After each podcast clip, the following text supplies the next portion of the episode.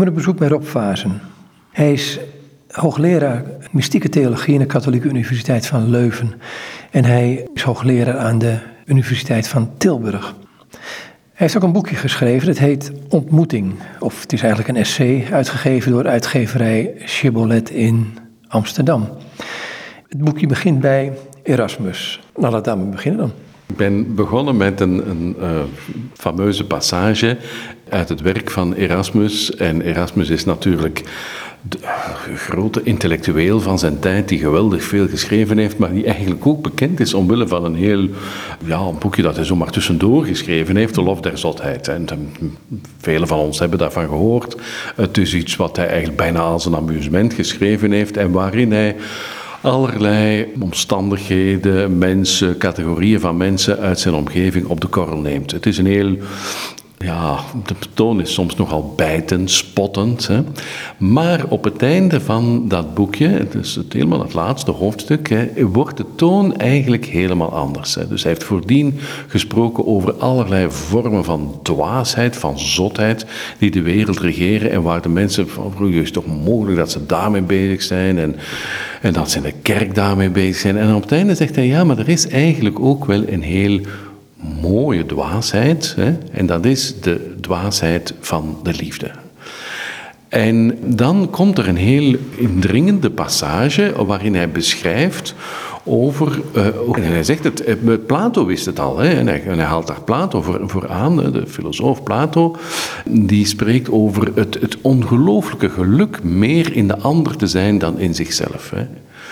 En dat heb ik als uitgangspunt genomen, eh, omdat volgens mij Erasmus hier iets aanduidt dat ieder van ons, wij, kennen dat allemaal uit ervaring, dat de mens gelukkig is bij de liefde en ontredderd is bij het verlies van de liefde. En, en hoe komt dat? Hè? Waarom is dat eigenlijk dat wij zo, ja, dat dat ons zo op, op een existentiële manier kan raken? Hè? En eigenlijk de, de gedachte is, of de overtuiging, dat dat is omdat wij qua structuur als persoon zo zijn. Dus wij zijn eigenlijk bestemd en, en bedoeld voor, voor relatie en ontmoeting. Dat is niet iets wat er eventueel kan bijkomen, maar dat hoort tot werkelijk de structuur van ons wezen. Ik denk dat daar iets op ligt, ook van een andere manier om naar de mens te kijken. En dat wij misschien intellectueel meer vertrouwd zijn met dingen zoals uh, van de mens als een individu. Hè? Mensen zijn verschillende individuen. Hè? Uh, individuen die zich verenigen, die samen een, een, een staat vormen of, of, aan, aan, economie doen en, en, enzovoort. Hè?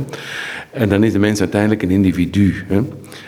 Dat in tweede instantie relaties ontwikkelt met anderen, of misschien niet veel, of misschien heel veel. Hè, dus.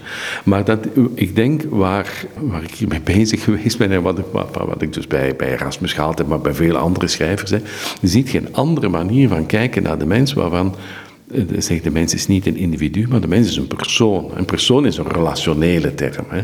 En wanneer je begint te kijken naar de mens en naar de werkelijkheid en de, en de manier waarop we met elkaar omgaan en, naar, en vooral naar religie, dan lijkt me dat een, een interessante sleutel te zijn, interpretatiesleutel. Er staat in het boekje zo'n heel uh, merkwaardige term. Als individu kun je een relatie hebben, maar zeg je, als geschapen door God, zijn wij relatie. Hier raken we natuurlijk aan een, een punt dat, van, dat heeft met de eh, de geloofsovertuiging eh, die we hebben. Hè, dus dat, dat de mens niet uit zichzelf, van niets, geen enkel uh, gegeven in de werkelijkheid uit zichzelf bestaat, maar dat het een schepsel is dat geschapen wordt, voortdurend geschapen wordt door God.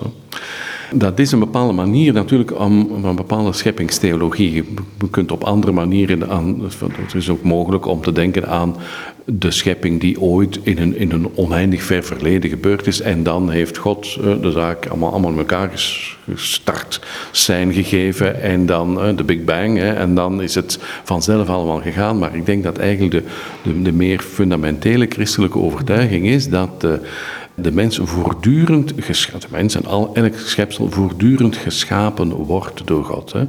Ik, ik zit hier nu en kijk, ik zit hier weer, hè. ik zit hier nog altijd. Waarom? Niet omdat ik dat daar zelf iets voor doe, maar omdat de scheppende God mij schept.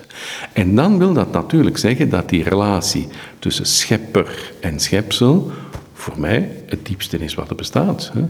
Dus alle andere relaties vloeien daaruit voort. Hè. Dus, maar in, als dat zou ophouden, ja, dan is er, dan is er verder niks, want dan, dan besta ik niet. Hè. In het verleden anders over gedacht, Descartes onder andere, maar ik wil naar een ander zinnetje gaan. Of tenminste, laat ik een voorbeeld uit mijn eigen leven geven. Ik kreeg een, of ik kreeg verschillende kleinkinderen. En wat je bij zo'n kleinkind wil, op een gegeven moment, eh, een week of zes, zeven, dan heb je het op je arm liggen en je wil maar één ding: dat het naar je kijkt en naar je lacht. Dat. Die herkenning en die, dat bemind worden, mag een groot woord gebruiken. Ja, en dat is eigenlijk een, eerste teken. Hè, dus als, een, als een, een, baby dat voor de eerste keer doet hè, naar de vader of de moeder of uh, kijken en lachen. Hè, dat, dat die glimlach is een uitdrukking van de relatie. Hè.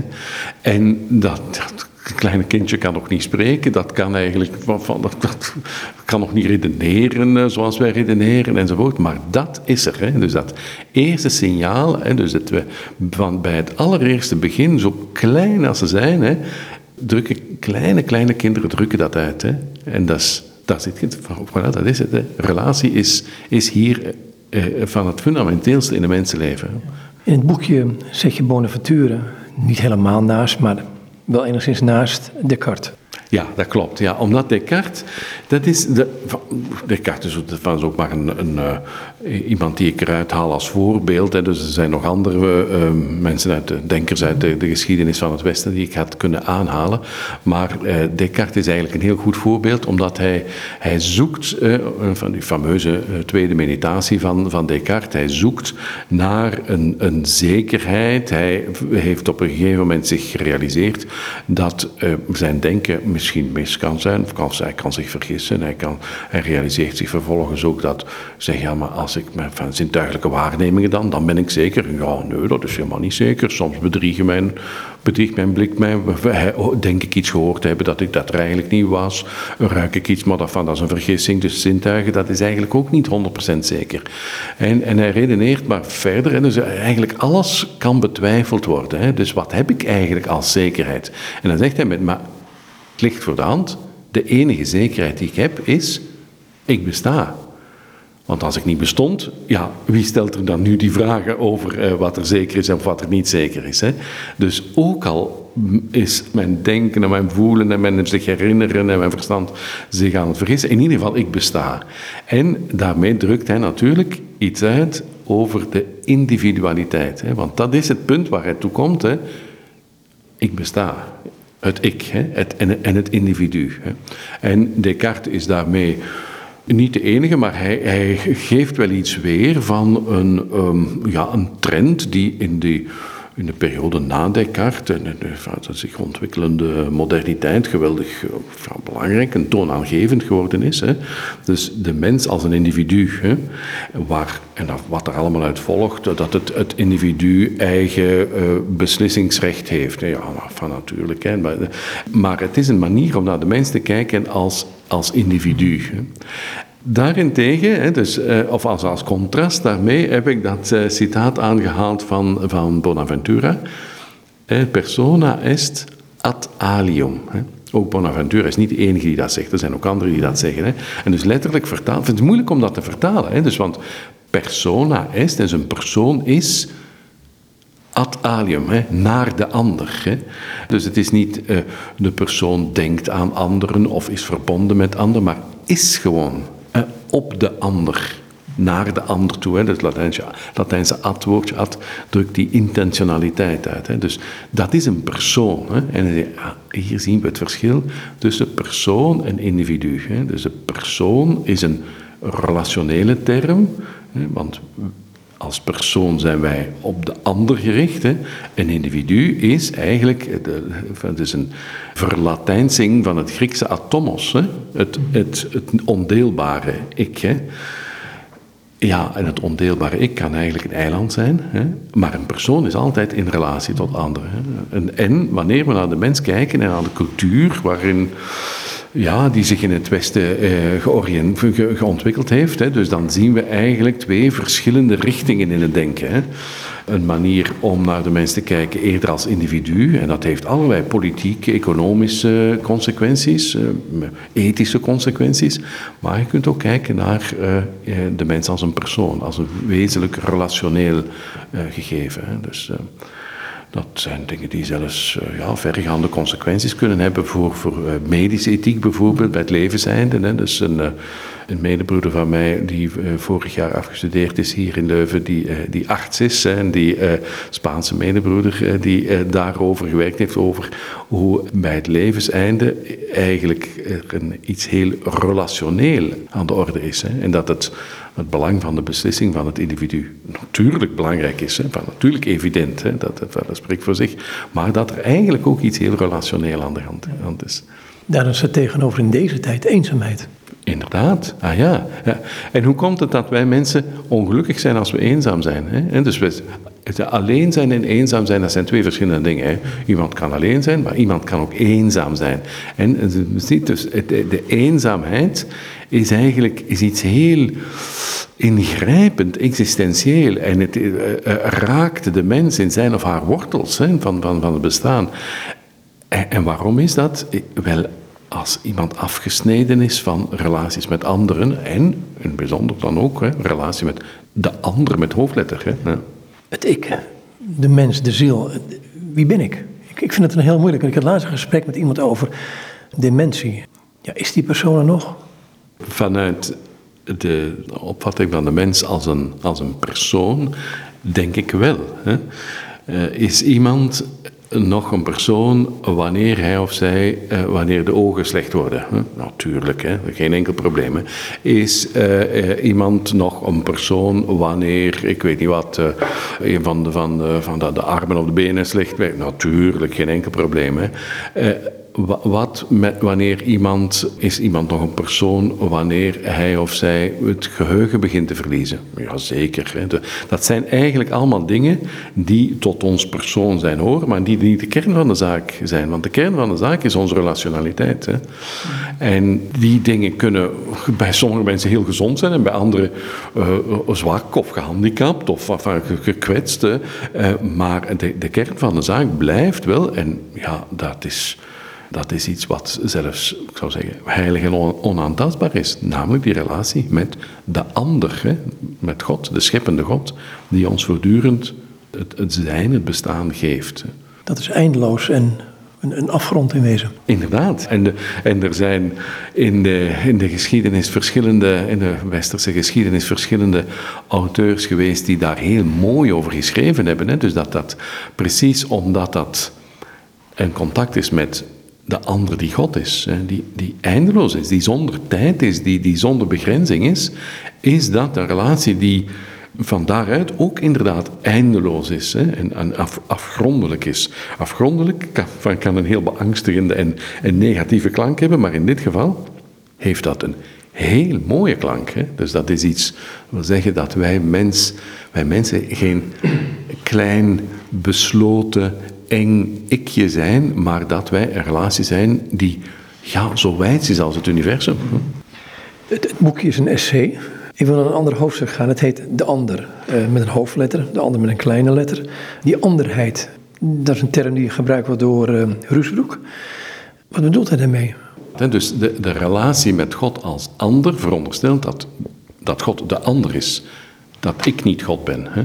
Dat, ik, dan, dan is er geen relatie. Hè? Dus het ik met het ik, dat heeft, dat, er is geen relatie. Het is, een relatie met een ander.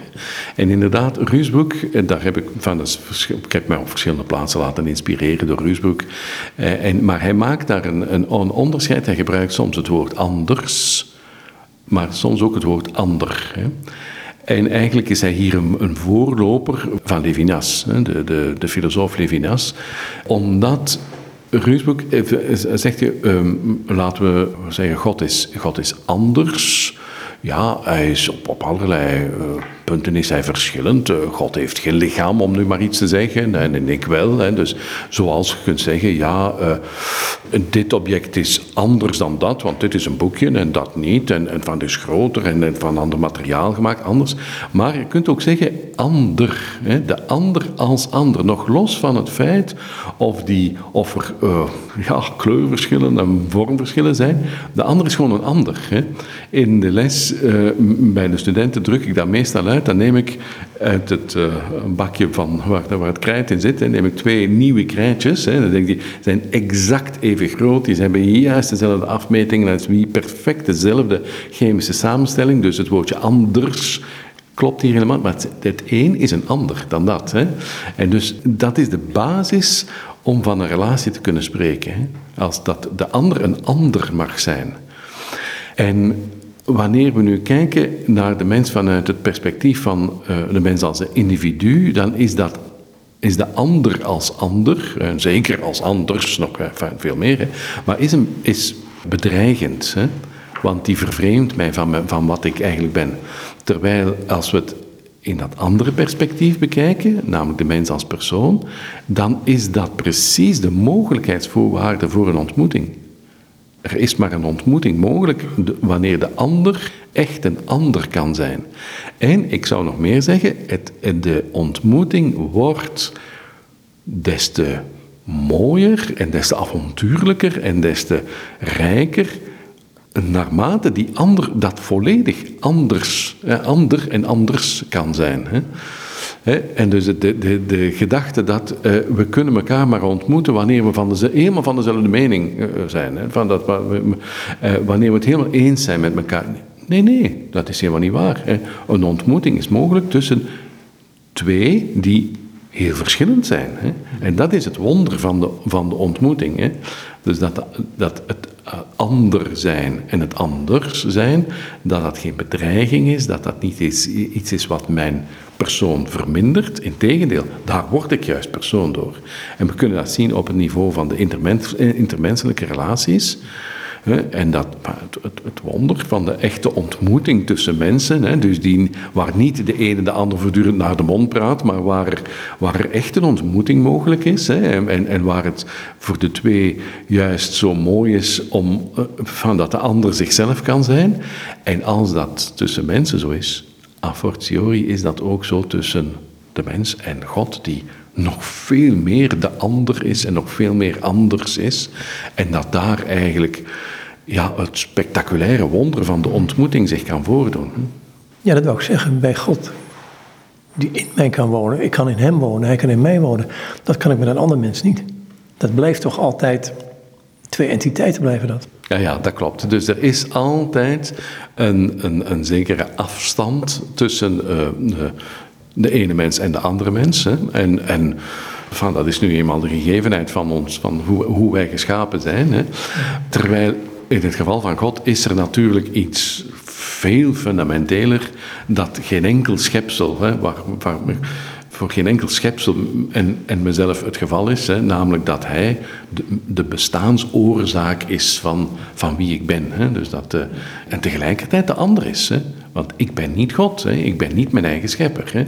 Het is een ander die mij schept, voortdurend, en die dat op een gegeven moment ook niet zou kunnen doen. Hè mocht, hij had dat even goed kunnen beslissen om mij niet te scheppen, hè, dus maar dat toch blijven doet. Hè, en op die manier uh, ja, is daar iets, een ontmoeting van een ja, onvergelijkbaar aard hè, aan de gang. Hè, ja. Maar goed, als ik een mens ontmoet, dan ontmoet ik een mens. Ik kan aanbellen. Ik, heb, ik kwam hier naartoe naar Leuven. Ik bel aan en jij doet netjes twee hele grote deuren op. Maar kan ik God ontmoeten dan? Opnieuw, dat is, een, dat is weer een geloofsovertuiging. Hè? Dus, uh, wij, maar ik denk het, dat, het, dat het inderdaad zo is, hè? dat er een, iets mogelijk is van een, van een echte, reële ontmoeting tussen God en mens. Ik heb zo, van, ik kan misschien een anekdote vertellen. Dat is jaren geleden uh, was ik in een, uh, hadden een, een, nieuwe communiteit gestart, die Jezuïte communiteit in, in Antwerpen. En de mensen die daar uh, samenkwamen, wij, wij kunnen elkaar heel oppervlakkig. Hè. En we, we, gingen dan een gemeenschap vormen, dus we moesten elkaar nog een beetje beter leren kennen. En dan heeft uh, de toenmalige overste, die heeft toen het goede idee gehad dat we dat heel rustig, dat ieder zichzelf kon voorstellen. En dat heel rustig, we hebben er heel veel tijd voor genomen. En waarom en wat voor werk dat, dat hij deed en, en wat de achtergrond daarvan is. Het was een heel bonte ploeg. Er was iemand bij van een socioloog, een, een econoom, iemand die met, die met mystiek bezig was. En, en, dus ieder kreeg de kans. En op, op een gegeven moment was het aan mijn beurt en ik was bezig over de, ja, de geschiedenis van spiritualiteit en mystiek en hoe dat mijn onderzoeksdomein was en, waarom ik dat zo belangrijk vond en zo. En toen zei de, mijn socioloog medebroeder, die zei van, ja, jullie die zo met, met spiritualiteit bezig zijn, hebben jullie ook een criterium om, om uit te maken wat goede spiritualiteit is? Hè? Enfin, heel begrijpelijke vraag. Hè? Dus, uh, en het toeval wilde, van wat is toeval, hè? Want dat is dat ik um, die, de namiddag uh, voordien een paar bladzijden in de Ruusboek aan het lezen was geweest en daardoor geïnspireerd was mijn antwoord. Ja, ik denk dat wij inderdaad wel een criterium hebben, namelijk dat van wat is goede christelijke spiritualiteit wanneer het gaat over een ontmoeting tussen God als God en de mens als mens. En enfin, hij, was, hij was tevreden gesteld, maar ik, ik heb het nadien ook dikwijls herhaald en ik zie dat soms moet ik dat dan toch iets meer uitleggen. Zeg, ja, er is spiritualiteit waar het eigenlijk niet meer over God gaat, maar over iets vaag religieus. Hè. Zegt, ja, dat, van, dat mag gerust zijn, maar dat is niet de sterkste spiritualiteit, vind ik. Er zijn ook vormen van spiritualiteit waar het eigenlijk gaat over ja, God zeker, maar over de mens, maar in bepaalde, uh, niet, niet het verstand, het is alleen maar het gevoel. Of uh, uh, geen gevoelens, hè, alleen maar keuzes. Hè. En, en ze, ja, oké, dat mag er wel zijn, maar ik vind dat niet de sterkste. Hè. Of spiritualiteiten waar er gezegd wordt, ja, God is God natuurlijk en de mens is mens, maar wij hebben eigenlijk nauwelijks contact met elkaar. Hè. En dan kom ik bij, bij uw vraag. Hè. Dus is wel, ik denk dat de, onze, de, de diepe overtuiging van, van het uh, christelijk geloof is dat er wel degelijk een echte ontmoeting is tussen God en mens. Hè. God echt als God. Hè. God is onkenbaar, God is de ander. Ja, dat is juist, maar ik ontmoet hem wel. Hè. En de mens als mens. Hè. Dus het is niet zomaar een bepaald segment van mijn, maar de mens heel, in, in, in heel zijn... En een reële ontmoeting. Hè. Dus dat... Uh, dat denk ik dat dat inderdaad mogelijk is. Hè. Maar goed, er zit, er zit een en al tegenstelling in wat je nu zegt. En je zegt, God is eigenlijk onkenbaar. Dus waar heb ik het over als ik het over God heb? Ja, maar God is onkenbaar. Is, God is onkenbaar en niet onkenbaar. Eigenlijk kunnen we, wat is een, een parallel die ik kan trekken, het klopt niet helemaal, maar het gaat toch voor een deel op. Een ander mens is eigenlijk altijd onkenbaar. Dat wil zeggen, in, de, in een ander mens is er een diepte die ik nooit ga kunnen ten helemaal doorgronden. Hè. De mens is altijd dieper en meer en rijker dan wat ik van die ander kan kennen. Maar wil, wil dat nu zeggen dat, ja, dat we maar beter de boeken dicht doen? Nee, helemaal niet. Hè. Want ik wil, die, ik wil die ander beter leren kennen. Hè. En ja, in, in, in mateloze uh, zin is dat ook het geval voor God. Hè. God toont zich, geeft, geeft zich te kennen in allerlei ja, sporen en signalen. En, en, en, en heeft zich uh, op een heel persoonlijke manier laten kennen. En toch blijft hij de ander, die veel meer is dan wat ik van hem vandaag nu weet. Hè. En in het perspectief van ontmoeting en relatie is dat juist een heel goede zaak. Want dan kan ik hem altijd dieper leren kennen. Als het zo zou zijn dat ik op een gegeven moment de perfecte definitie van God zou hebben, oké, goed, ik ken hem. Oh, voilà, einde, van de relatie. Het zou verschrikkelijk zijn. Hè? Zoals dat in, in menselijke liefde en vriendschap ook zo zou zijn. Als, als de ene van de ander op een gegeven moment zou zeggen, ja, ja, ik ken hem. ja, ja. Einde van de vriendschap. Of is verschrikkelijk, hè? Want het is juist plezier dat de, de ander altijd toch nog meer is, rijker, uh, dieper dan uh, wat ik van de ander ken. Maar waar heeft die ontmoeting, waar vindt die plaats en waar heeft die plaatsgevonden? In de, de structuur van de mens zijn er, ik zou kunnen zeggen, eigenlijk verschillende lagen waarop die ontmoeting plaatsvindt. Hè. Dus uh, er is een, een, een gemedieerde ontmoeting via de gaven die God mij geeft. Noem maar iets. Dus de, de, mij omringende schepping en de, de, de mooie dingen, of de medemens. Hè. Die medemens is natuurlijk niet God, maar verwijst mij wel naar God. Hè. Van de andere kant, ik kan ook gaven aan God geven. Uitdrukkingen van, van hoe belangrijk God voor mij is. En, ik wil hem dat door, door, een bepaalde manier van leven bijvoorbeeld. Hè. Maar er is ook dat, dat rechtstreekse contact waarbij de mens en God elkaar rechtstreeks ontmoeten. Precies op dat, dat punt van het geschapen zijn. Dat is een, een, een vorm van ontmoeting die eigenlijk van de kant van God volledig is en van, en van mijn kant onvolledig. Want ik ben mij daar niet van bewust, of nauwelijks van bewust. En toch kan er een vorm van toebehoren zijn in mijn manier van zijn aan, aan God, waarbij dat er een, van mijn kant een, een vorm van ontmoeting is. Het is natuurlijk cruciaal hier, en hier verschijnt natuurlijk de persoon van Jezus Christus, hè, die, die daar werkelijk dit geopend heeft en geopenbaard en getoond. Hè, En hij zegt, ja, Jezus Christus is, is, totaal uniek in dat verband, hè, omdat hij die blijvende relatie en, en wederzijdse liefdesontmoeting tussen God en mens ja, getoond heeft en, en daardoor voor ons mogelijk gemaakt heeft. Het is in hem dat wij die ontmoeting kunnen hebben in wezen. Vrij exclusief. Dat klopt. Enfin, heel veel uh, van de grote schrijvers uit uh, de christelijke traditie zijn het daar echt helemaal over eens. Hè. Dus de, de meest volledige ontmoeting tussen God en mens vindt plaats. Die, onze ontmoeting met God uh, en met de Vader hè, vindt plaats in de persoon van Jezus Christus. Hè. Dat is inderdaad waar. Ja. Die ontmoeting kan nu überhaupt plaats hebben of heeft daar, zit er een geschiedenis voor dat wij in wezen al, zoals um, Origenes zegt, in zijn beeld geschapen zijn? Ja, maar dat is inderdaad waar. Daar is een, een, een mooie en lange traditie in de lectuur, de christelijke lectuur van dat uh, vers uit Genesis, hè, dat de mens geschapen is naar het beeld en de gelijkenis met God. Hè. En ik denk dat de, in, de, in de oorspronkelijke tekst, uh, van dat zeggen de exegeten, dat het in de Hebreeuwse grondtekst beeld en gelijkenis eigenlijk als, min of meer als synoniem bedoeld is. Hè. Maar de christelijke uh, lezing daarvan, vrij vroeg, inderdaad, bij Origenes, hè, ja, dat is Alexandrië in de tweede, derde eeuw. Hè, dus dat is, dat is het helemaal begin van, het, van de christelijke theologie. Hè. Eh, niet alleen Origenes, ook Irenaeus van Lyon. Hè. Op dat punt zijn ze het helemaal met elkaar eens. Hè. Dus ze hebben dat op een heel specifieke manier gelezen. Hè. En ze gezegd, ja, maar twee keer zomaar het synoniem. Nee, nee, nee, dat is niet waar. Er staan twee woorden en dan moeten we proberen te, zien wat het, wat, waar het ene woord voor staat en waar het andere woord voor staat. En Origenes zegt dat hè, we moeten kijken naar, er staat niet, er wordt niet gezegd, zo leest hij dan heel eh, letterlijk hè, de tekst van, van Genesis, dat de mens als beeld geschapen is maar naar het beeld. En ze, ah, daar zegt Origenes, hier, hier, hier zien we iets interessants. Hè. Nu moeten we ons afvragen, wat is dat beeld?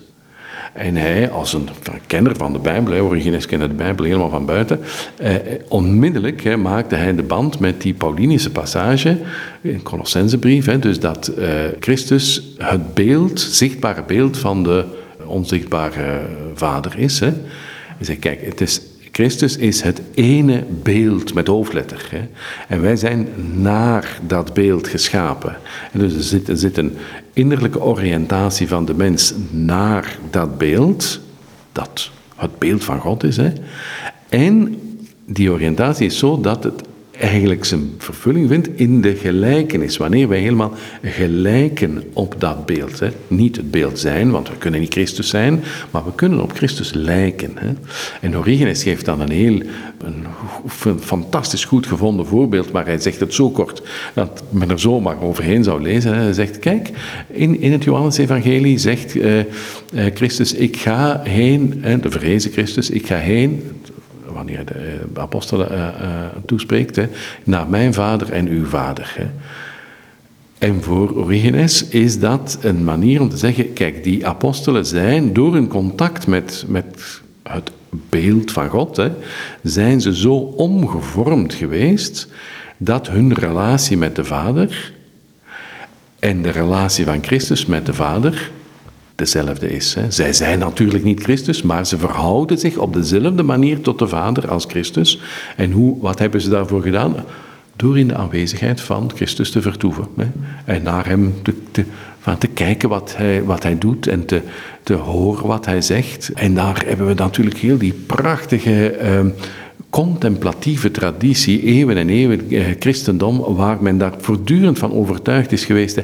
Maar het beste wat de mens kan doen is kijken naar Christus, aandachtig kijken en proberen ieder detail zo goed mogelijk op te merken en luisteren wat hij zegt en, en wat, wat de diepte daarvan is. En zo wordt de mens, door in de aanwezigheid van Christus te vertoeven, wordt de mens omgevormd. Met andere woorden, de mens vormt zichzelf niet om, maar wordt omgevormd door Christus. En het eindresultaat is die volledige relationaliteit met de Vader, hè, zoals, dat, ja, zoals Christus dat zegt de, van de leerlingen dan in het Johannes-evangelie. Is, is dat ook wat je zou kunnen zeggen van die ommekeer van, um, want er wordt op een gegeven moment in het boekje van jou, maar ook in, bij Origenes het beeld gebruikt van, als je naar het verkeerde beeld kijkt, diabolos, degene die verdeelt, dan is eigenlijk bekering je wegkeren van dat beeld of je eigen beeld naar Christus toe. Bernardus zegt hetzelfde. Dat klopt, ja, ja, ja. En, en dus het is, uh, het is zo eenvoudig en zo fundamenteel is het. Hè? En, zo, en zo moeilijk eigenlijk ook. Hè? Dus, uh, Waarom is dat moeilijk? Want dat, ik vind het, je wordt heel makkelijk afgeleid. Dat klopt, ja, ja, ja, ja, ja. Ik denk dat het daarom is dat de Bijbel dat helemaal in het begin vertelt. Hè. Dus in de, de, de, de zondeval, hè. Adam, dat is, dat is de mens. Dat, dat, dat, dat is het verhaal van ieder van ons. Hè. En dat het zit in ons allemaal in dat we op een gegeven moment ons afgekeerd hebben. En ik vind dat een heel... Het, is, het is een fantastisch verhaal. Hè. Dus wat, wat de, de slang zegt, hè, eigenlijk komt erop neer God heeft dat gezegd, je mag niet van die, van die uh, boom eten. Maar dat is eigenlijk omdat, hè, met andere woorden, vertrouwen maar niet. Hè. Vertrouw God maar niet. Hè. En van, dan keren ze zich af en dan gaan ze zich verstoppen. Hè. Van de kant van God is er, is niks, niks verkeerd gebeurd. Hè. Dus en, en, en God kon zeggen, waar, waar, zijt je nu, Adam? Hè? Wat, wat, is er gebeurd? Hè? Dus, uh, dus de, de relatie die eigenlijk, hè, de mens is geschapen om, om in, in, in een vertrouwvolle, liefdevolle, wederzijdse relatie met God te staan. Van de kant van God is er niks veranderd, maar van de kant van de mens wel. Hè? is gaan, heeft zich afgekeerd van God, heeft zich, en is God gaan wantrouwen, is, is, denkt dat God bedreigend is, hè, want hij is, die, hij is de ander. En, en, terwijl het, het mens juist bedoeld is om, om, om de, de, het wonder van de ontmoeting met God mee te maken. Is, is die ontmoeting, kan die plaatsvinden op basis van het kruis? Wel, dat is natuurlijk, het, ja, het kruis is het cruciale gebeuren, hè, eh, omdat daar op een ja, kosmische wijze die afkeer van, de, van dat, hoe, hoe, hoe de mensengeschiedenis zich afkeerde en tegelijkertijd de pijn daarvan meemaakte, van, van, de, van vervreemd te zijn van God, en dat wordt daar gemanifesteerd omdat Christus er als, als enige daar doorheen gegaan is en het liefde beleefd heeft die dat heeft kunnen dragen. Hè, dus dat kunnen, en, en, en daarmee is eigenlijk ja, hoe zal ik zeggen, heel de heimwee van de, van de hele mensengeschiedenis naar een echte ontmoeting met God, hè, is daar, weliswaar op een verschrikkelijk pijnlijke manier, maar is daar terug tot vervulling gekomen. En is het, eh, en is het geen heimwee van iets naar, naar iets dat niet mogelijk is, maar naar iets dat mogelijk is, een echte ontmoeting met God. Hè. Hieronder ligt, daar hebben we het nog niet eens over gehad, ehm, is de relatie in God onderling. Want God is een relatie in zichzelf. Is natuurlijk ik wil bijna zeggen, fundamenteel om dit te kunnen begrijpen. Ja, en, en ik vind het opnieuw, dit is een, we zitten hier een, een, een geloofsinzicht, hè, dus dat uh, is iets wat we, een overtuiging die we hebben in geloof. Hè, en al vrij snel in het christelijke denken is dat naar voren gekomen, dat de ene God in zichzelf relatie is. Hè. En dat is eigenlijk een, een, een, inzicht dat gegroeid is door de reflectie over de persoon van Jezus Christus. Hè, als hij inderdaad niet zomaar een mens is, maar als hij inderdaad God is. Hè, maar hebben we dan twee goden? Nee, nee, God is in zichzelf relatie. En dan ineens gaat er een geweldige wereld open, hè, van in het verdenken, hè, dat alles wat bestaat eigenlijk berust, hè, de scheppende oorsprong van alles wat bestaat, is relatie in zichzelf. Hè. Het is niet dat God één is, een soort monade, een eenzame God, die dan op een gegeven moment ook nog eens relaties aangaat met het geschapene. Nee, hij is in zichzelf relatie. Hij is in zichzelf, God is liefde, dat, wat, wat uh, opnieuw Johannes zegt. Hè, dus in zichzelf is hij van alle eeuwigheid een relatie en daardoor draagt alles wat geschapen is daar de sporen van. Hè. Geen wonder dat het voor ons zo fundamenteel is. Hè. En dat dat verklaart wie wij zijn en hoe wij in elkaar zitten. Hè. En dan staan we dan in een westerse samenleving. Individualistischer kan het bijna niet. Um, ja, hoe breng je dit over? Want dit, dit lijkt wel een ja, of vanuit een andere wereld te spreken. Ja, ja hoe ik dat praktisch uh, zou overbrengen. Ik zou zeggen, ja, uh, de, de beste manier is om, om dan naar die grote schrijvers te gaan en om die te laten spreken. Uh, maar ik denk dat er zo op een gegeven moment bij de mensen, van dus mensen uit onze tijd wel, een, een, als wij die dingen lezen of daarvan horen, dat, er, dat is inderdaad vreemd. Dat gaat, dat gaat helemaal tegen de, de, de basisovertuigingen van onze cultuur in, inderdaad, hè, waar, waar, de, waar de mens echt een individu is. Hè. En, maar er kan zo op een gegeven moment toch ergens wel een klik gebeuren, een intellectuele klik. En zeg aha, ja, en nu, maar nu begin ik te zien hoe, ja, hoe de werkelijkheid op, op een andere manier kan uh, beschouwd worden. En ik denk dat het een, een duidelijker, een, helder, meer heldere manier is die ook meer recht doet aan datgene wat ons echt gelukkig maakt en ons echt ongelukkig maakt. Eenzaam maakt. Waarom, waarom zijn we ongelukkig als we eenzaam zijn? Waarom zijn we gelukkig als we beminnen en bemind worden? Dat, heeft daarmee te maken. Dat, omdat dat geen bijkomende, bijkomende dingen zijn. je komt bij een term uit de middeleeuwen, die ga ik gebruiken. Want dat gebruik je in het boek, dat gebruikt Rusboek, gebruikt Harwig. Maar het is een term die verkeerd begrepen kan worden. Dat is de term minnen. Um, want als je het over de mystiek hebt, dan gaat het in wezen niet over een relatie. Gewoon van oké, we zijn een relatie, we moeten maar een relatie hebben.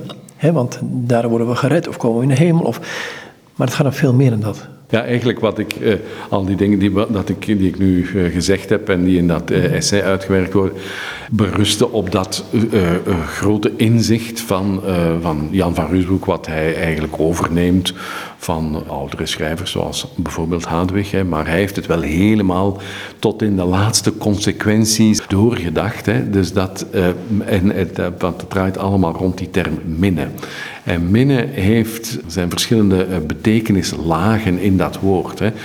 Ik zeg dat in dat essay. Eh, meestal denken we, eh, de hedendaags, wij als uh, Nederlandstaligen, het hedendaags Nederlands, wij denken, ah ja, ja, goed, dat woord, dat begrijp ik wel. Hè. Er zijn zoveel van die Nederlandse woorden. En zeggen, wat wil dat zeggen? Hè? Terwijl minnen, ja, ja, dat begrijp ik wel. Hè. Maar, het is een beetje oud begrip, maar goed. Maar, maar, ja, maar dat is bedrieglijk. Hè. Want er, er, is een, een manier bij mensen zoals Ruusboek om naar minnen te kijken die veel rijker is en veel dieper dan datgene wat wij er zomaar spontaan onder verstaan. Om te beginnen, het is een, het is een religieuze term liefde uh, in, in ons hedendaags Nederlands is eigenlijk iets dat tussen mensen is, intermenselijke liefde. Dat is bij Ruusboek, kan dat er wel in besloten zijn, maar het is wanneer hij het woord gebruikt, dus, en, wanneer die, die oudere traditie, is het eigenlijk, eh, slaat het op die religieuze relationaliteit, namelijk met God.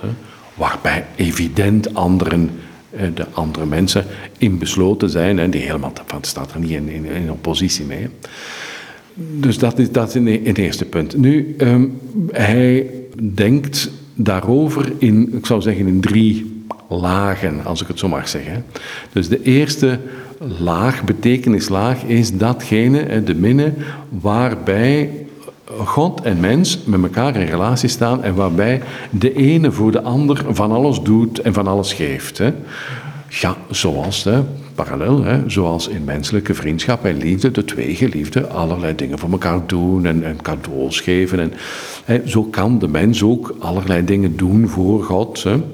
Kan ook allerlei gaven en geschenken van God ontvangen. Hè.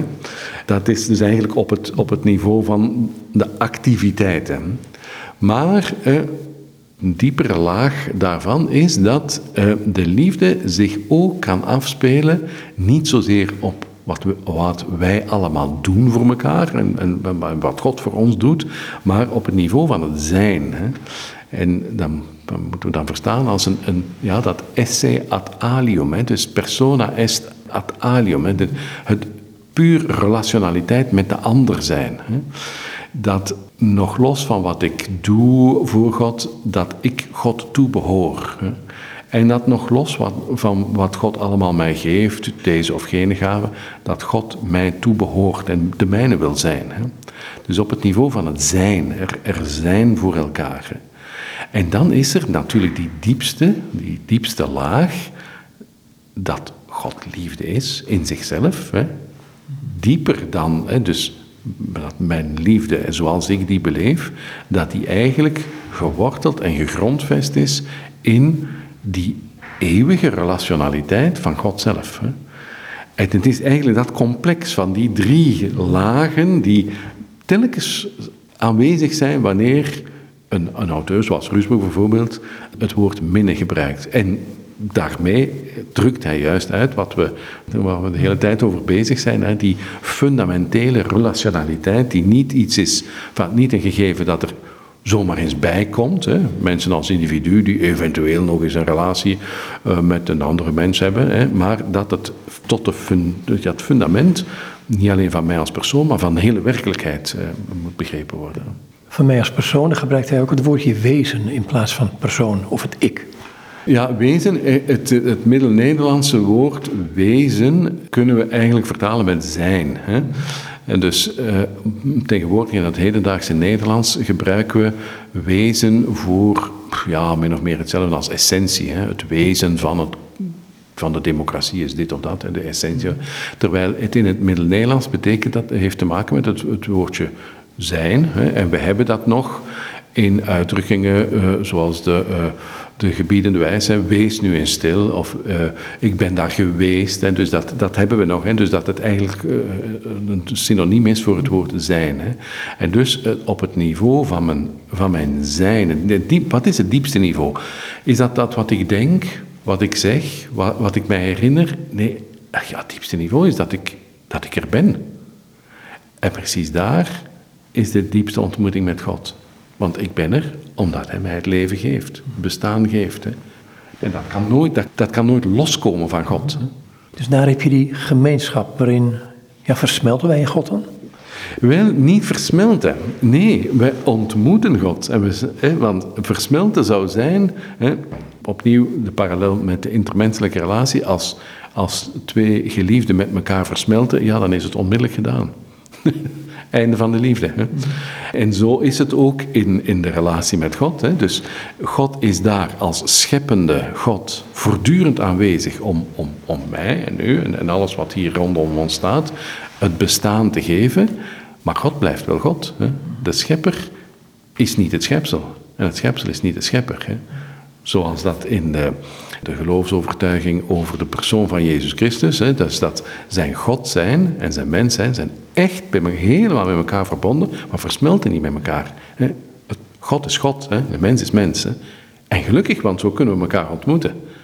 Als een, van de twee met de ander zou versmelten, zou het, zou het gedaan zijn met de ontmoeting. Dus die blik gericht op Christus, dat schouwen, dat kan ook, ja, dat kan ook afstandelijk zijn op een gegeven moment. Maar het heeft te maken met hoe hij zijn relatie met de vader beleeft. Ja, ja, ja dat klopt. Ja, uh, ja en het, uh, het afstandelijke, daar hebben we, ik heb daar in dat essay dat, uh, gedicht geciteerd. Ik, ik ga het misschien eens voorlezen. Soms als gij zwijgt en uit het venster schouwt, grijpt mij uw schoonheid als een... Het is een liefdesgedicht, hè. Soms als gij zwijgt en uit het venster schouwt, grijpt mij uw schoonheid als een wanhoop aan. Een wanhoop door geen troost te blussen, niet door te spreken, niet door te kussen, even groot als mijn bestaan en even oud. Dat ik u zien moet en u niet kan zijn, van u gescheiden door mijn eigen ogen, dat gij daar zit, zo buiten mij geboren, het doet als een geboorte pijn. ik vind dat een heel interessant gedicht, uh, omdat, dus de, dichteres zegt hier, hè, ze kijkt naar uh, haar geliefde en ze zegt dat ik u zien moet en u niet kan zijn. Maar ja, dan zou er natuurlijk geen, geen liefde zijn. Hè? Dan, dan zat er maar één persoon. Hè? Van u gescheiden door mijn eigen ogen. Ja, maar ja, het is wel door die ogen dat ze hem kan zien en dat er een relatie is. En dat gij daar zit zo buiten mij geboren. Hè?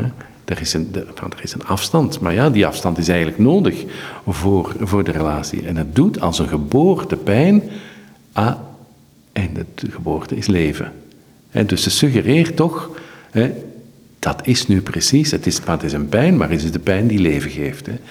Het is de pijn van, ja, uh, dat de ander de ander is. Hè. En, en uh, Hadwig geeft daar spectaculaire gedichten over, over hoe, hoe, hoe verschrikkelijk moeilijk het kan zijn om God te beminnen. En hoe, hoe, hoeveel dat van een mens vraagt. Hè.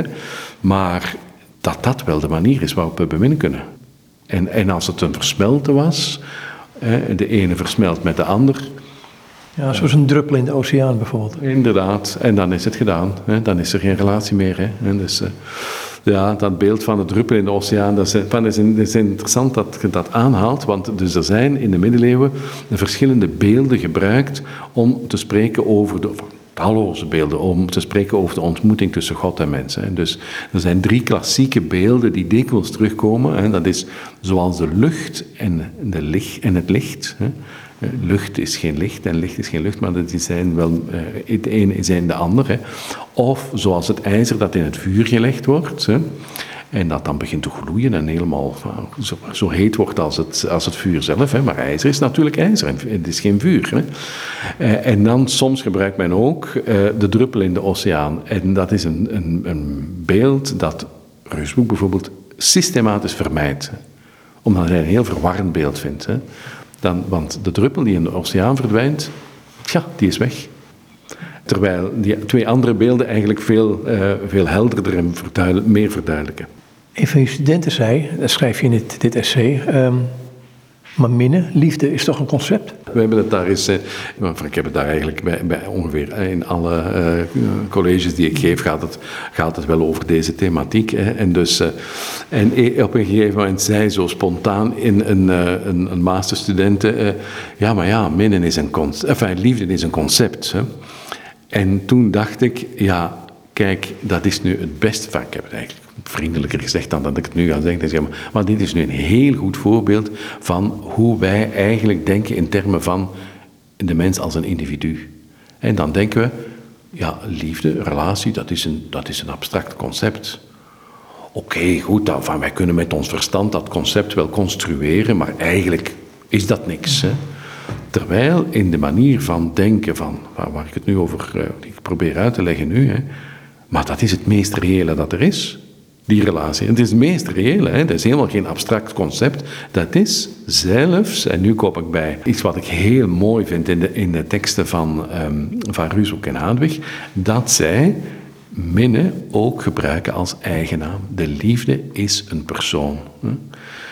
En uh, mijn vereerde leermeester, pater Albert de Blaren, zalige gedachtenis, hij is al vele, vele jaren overleden, maar hij heeft dat eens gezegd, er, hij zei, bij mijn weten is er geen enkele andere godsdienst die de liefde als een persoon verstaat. Ja, en dat is inderdaad in het christendom wel, dus dat is, dat is God zelf. Hè. En in die liefde worden wij opgenomen. En die liefde worden wij opgenomen, daar komen wij uit voort. En daar zijn wij in thuis en dat is onze bestemming. Dus dat is het. Ja. En hoe meer wij ons daarvan vervreemden, daarvan losmaken, hoe ongelukkiger wij mensen zijn. En, hoe, en, wat, voor, van, voor lelijke dingen we dan gaan doen aan onszelf, aan anderen en aan, aan, aan heel de samenleving. Maar, het is, maar dat is, ons, dat, dat is onze, onze thuis. Hè. Dat klopt, ja. ja. Je in het uh, nog een aantal voorbeeld uit de literatuur gegeven. Misschien is het mooi om toch iets te vertellen van Johannes van het Kruis, het, eh, De Donkere Nacht. In een donkere nacht, dat gedicht van hem. Want het wordt vaak gezien als een, als een, nogal. Ik heb mensen dit wel eens horen vertellen: van oké, dat, dat gaat over mensen die depressief zijn. Het gaat over het, het, meest donkere wat je kunt meemaken. En, maar jij zegt iets heel anders. Ik lees ook iets heel anders in, moet ik zeggen. Ja, dat klopt. En daarom heb ik het gedicht ook in de essay opgenomen. Dus dat, het, dat staat er eh, eh, helemaal in, in zijn geheel eh, staat het erin. Het is de donkere nacht. Of wordt dikwijls inderdaad gezien als een...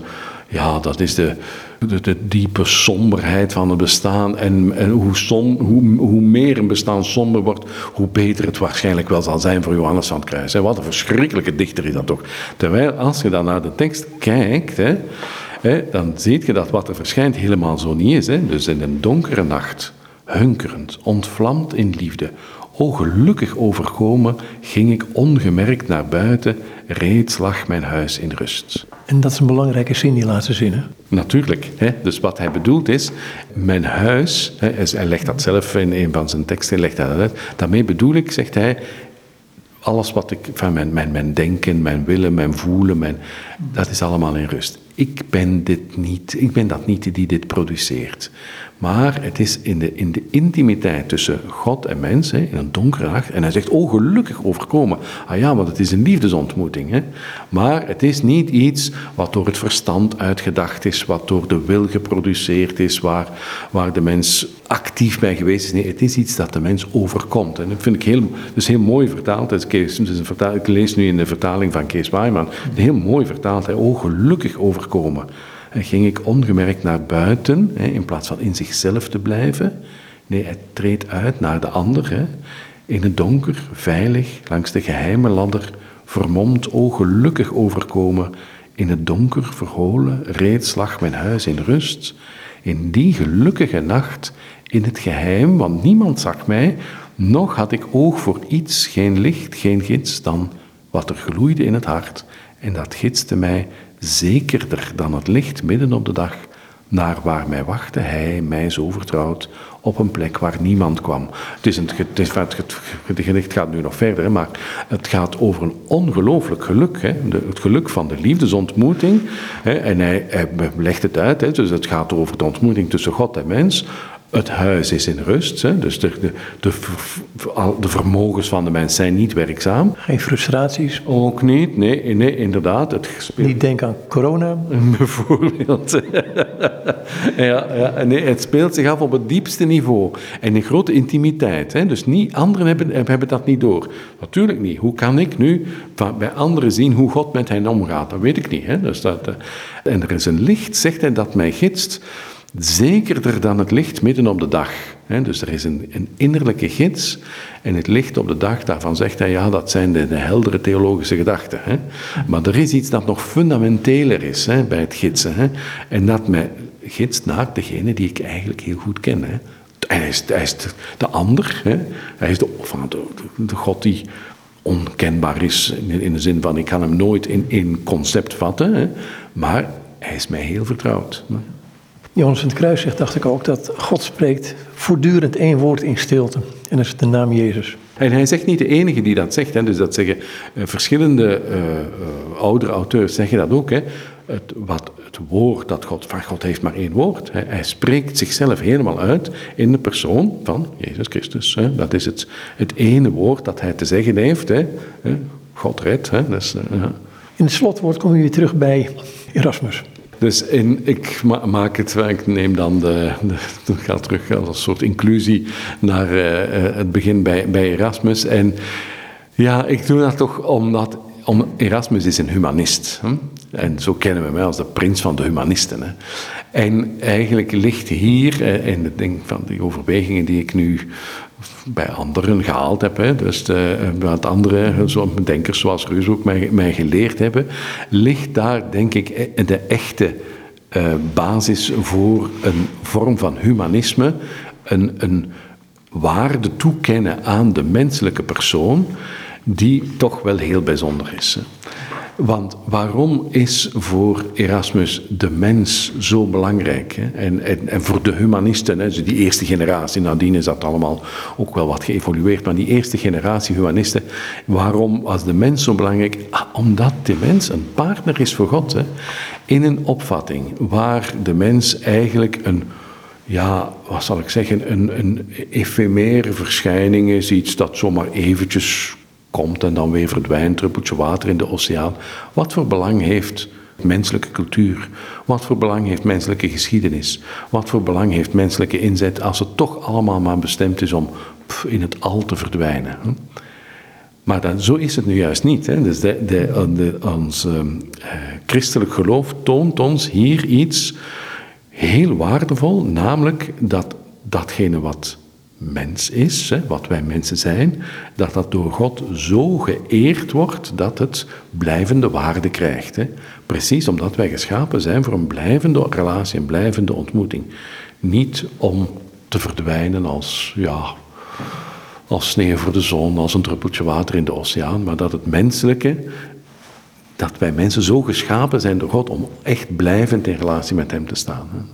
In het boekje zeg je daar, is, is iets unieks gebeurd in het christendom, dat is gebeurd in Christus.